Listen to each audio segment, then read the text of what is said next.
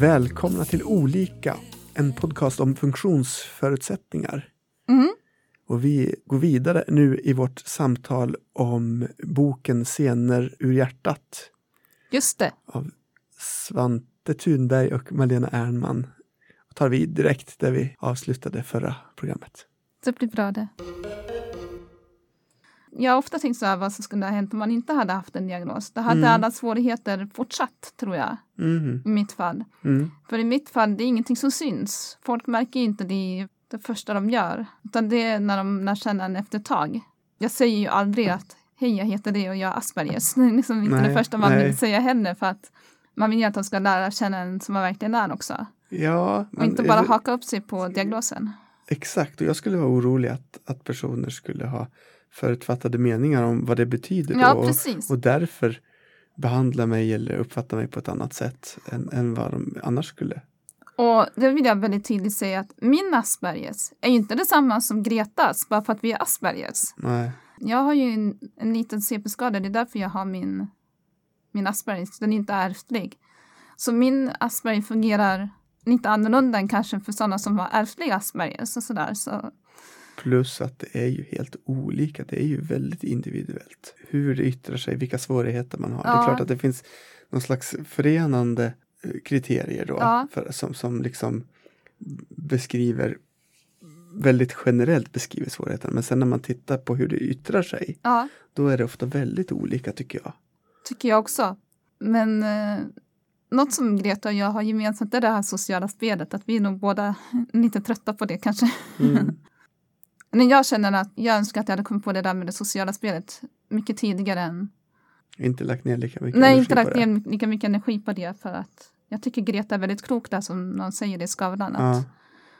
hon engagerar sig inte så mycket i det sociala spelet för att vara så ung och redan ha kommit på den saken. Det tycker jag är strålande. Mm. Jag tycker att Beata, alltså hon är ju fantastisk som trots så många diagnoser får vara med om så mycket.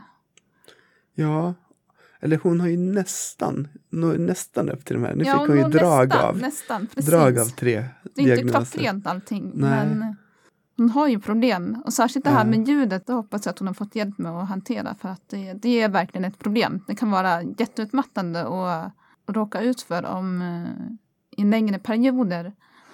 Och så kanske en del tycker så här, ja men med musik då, låter inte det mycket och sådär. Nej men det är positiv ljudenergi. Ja, Om det är sånt som man tycker om. Ja, Som Little Mix till exempel, det, det tycker hon ju verkligen ja. om. och då vill hon lyssna på hög volym. Ja, och det Men- ger ju henne energi. ja. Så låt henne lyssna på det då. Men tvinga inte på in henne i andra ljudsammanhang och tro att det skulle vara lika positivt. Nej, och det är ju lätt, jag stör mig så väldigt på folk som säger att ja men det ser man, det gick det bra, de kan och Ja, vill. men Eller, precis. Det var precis dit jag ville komma. Och det, det är inte så det funkar alls. nej, man måste vara väldigt ödmjuk Ja. inför att det är personen själv som upplever det den upplever. Det kan ju inte jag veta Nej, utifrån hur, hur, hur det känns. nej, precis. Då kommer här låten Woman's World med Little Mix. Every day she tells her daughter, Baby, you're not just a pretty face. She says you gotta work much harder than every single man. That's just the way.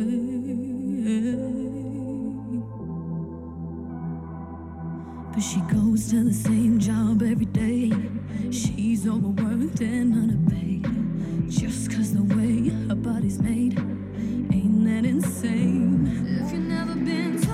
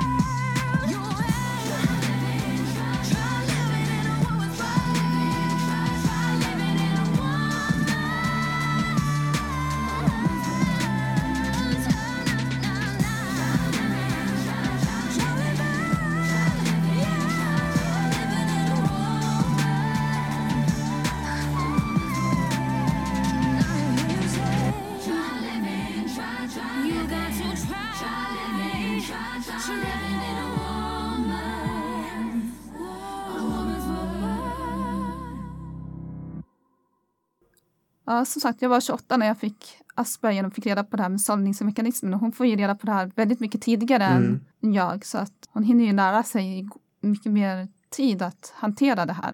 En person som jag känner som fick eh, diagnos som vuxen sa eh, efter det att det är första gången i livet som det känns som att jag har ett CV. Ja, just det. det tycker fint. Ja, det blir ett väldigt speciellt CV. Ja. Men det är ett CV. Ja, Absolut, jag håller med.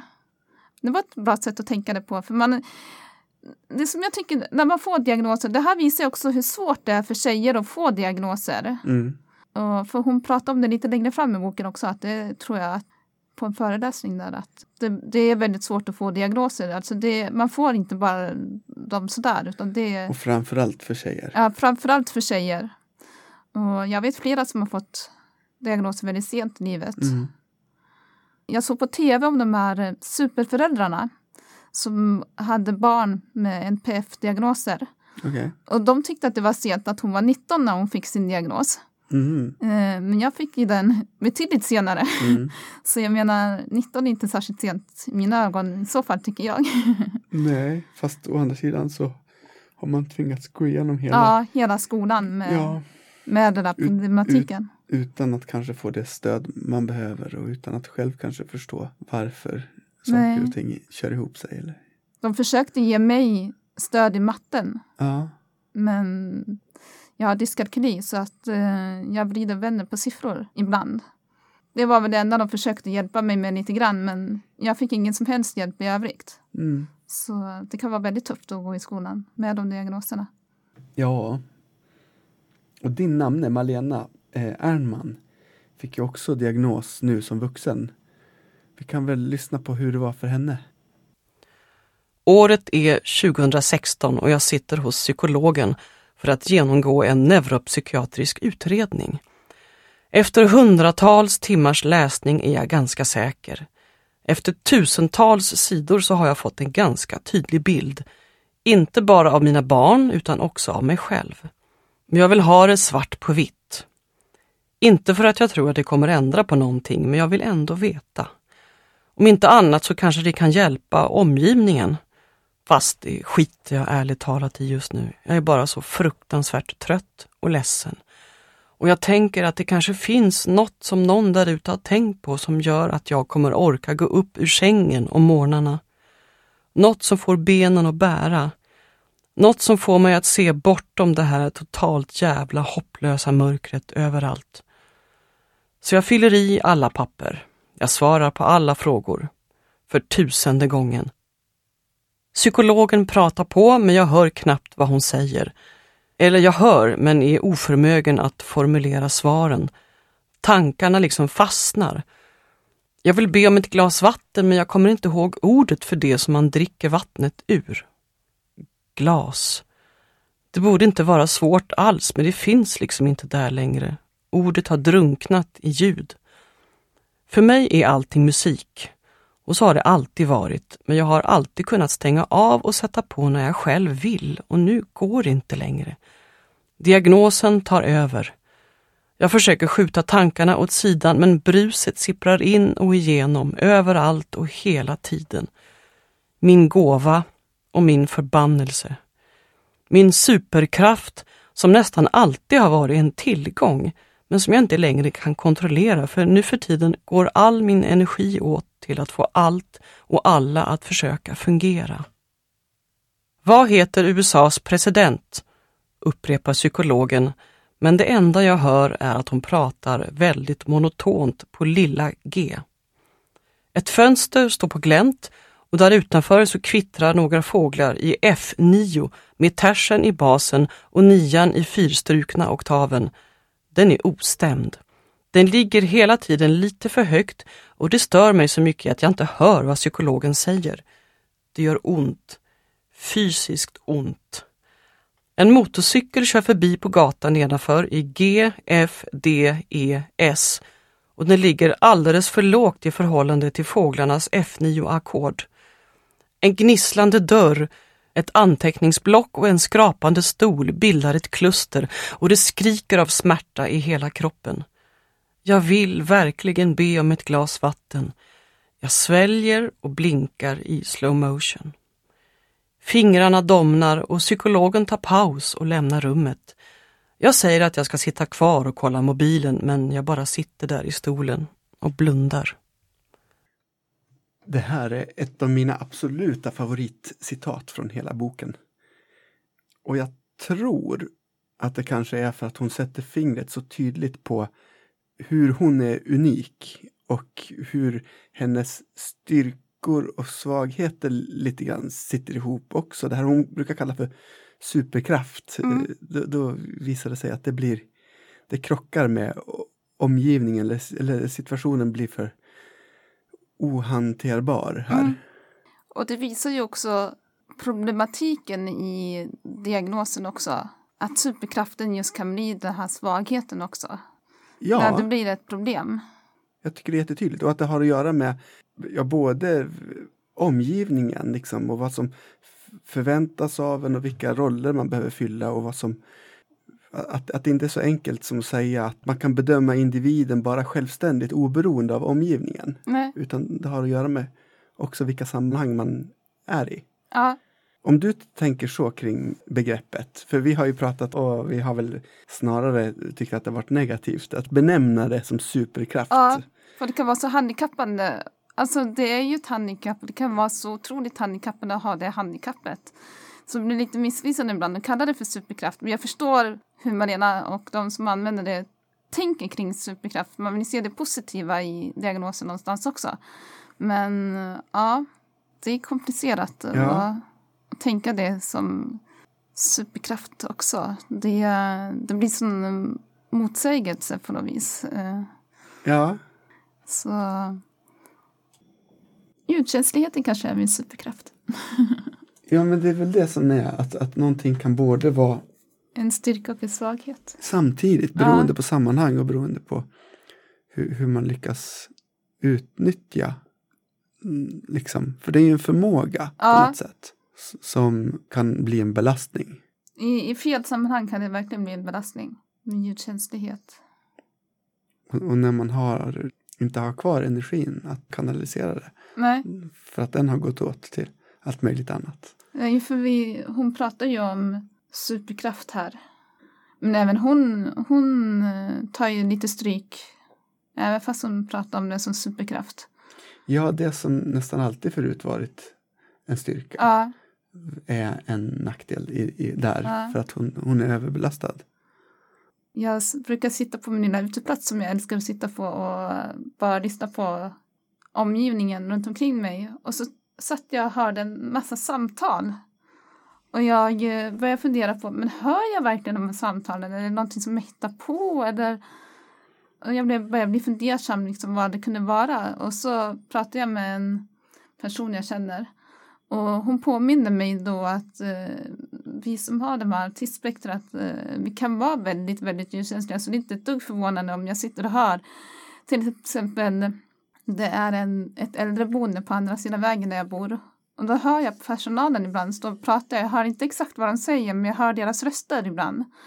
De står ute vid, vad heter det, Mm, rökrutan kanske det heter. Mm, ja. och, och röker. För jag har ju sett dem stå där ibland när jag går mina promenader. Och eh, jag blev bara så lättad när den här personen sa då att eh, Nej, men det är för att du är ljudkänslig.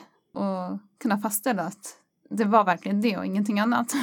ja. och i rätt sammanhang så kan den här ljudkänsligheten vara en enorm styrka, till exempel när jag sjunger i kör och sådana saker och i musiksammanhang och sådär. Men blir det för mycket ljud så kan ju det också bli en svaghet. Och sen eh, blir jag, tycker jag det är så roligt hur hon pratar eh, ljud. Mm. Hur hon upplever det musikaliskt. Med, är med fåglarna och ja. motorcykeln där. Och, ja, tersen i basen. ja, precis. Fast, fast felstämd. Ja, exakt. Ja. tycker det är häftigt att vara så musikalisk. Ja. De här bitarna i boken är nästan mina favoritavsnitt. När man beskriver lite mer inifrån hur, hur det upplevs.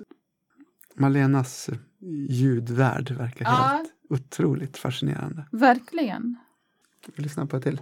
Tycker det jag. gör vi. Ni har skapat ett samhälle där det enda som värderas är social kompetens, utseende och pengar.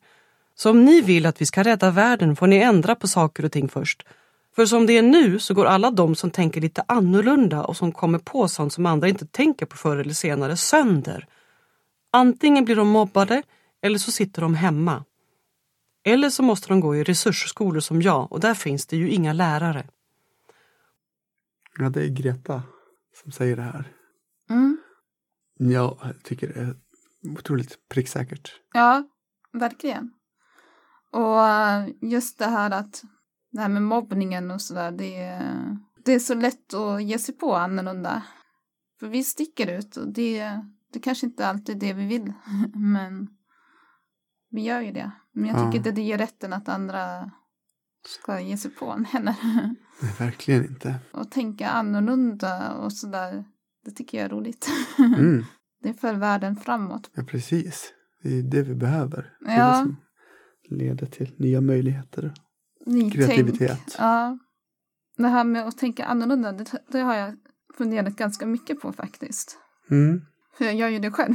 ja, och man märker ibland att folk verkligen reagerar ibland på det man säger bara för att man Jaha, kunde man tänka så? ja men precis. det hade inte jag tänkt på att man kunde tänka. Mm, Jag märker också att det inte alltid är populärt att man tänker annorlunda heller. Lite där att det blir för kontroversiellt kanske. Ja, alltså det är klart att det blir krockar om man tänker olika. Om Ja. en har tänkt att det ska funka på ett sätt och en annan har tänkt att det ska funka på ett annat sätt. Då, Men då jag blir det ju... tänker så här med krockar, utan krockar ingen utveckling liksom. Mm. Jo, men det ligger något i det. Samtidigt som hur hittar man en väg framåt? Precis. För blir det bara en frontal krock så Eller- blir det mos av två saker. Man måste hitta, hitta vidare. Balansen däremellan. Jag har som strategi, om jag märker att jag tänker någonting som skulle kunna vara kontroversiellt, Ja. eller för kontroversiellt, så brukar jag alltid bolla med personer, till exempel mina föräldrar, innan jag gör någonting så att det inte Mm. blir misstag, fel eller eh, som att det skulle missuppfattas det jag säger eller något sånt där för mycket. Ja. Bara för att jag tänker så annorlunda. Mm. Så det är ett tips, att kolla alltid med någon innan om ni känner er osäkra. Det, det är bättre det än att det blir så här megakrock. Mm. Så det gör jag. Och sen, eh, vad var det de sa mer? Att, eh, som är väldigt utseendefixerat.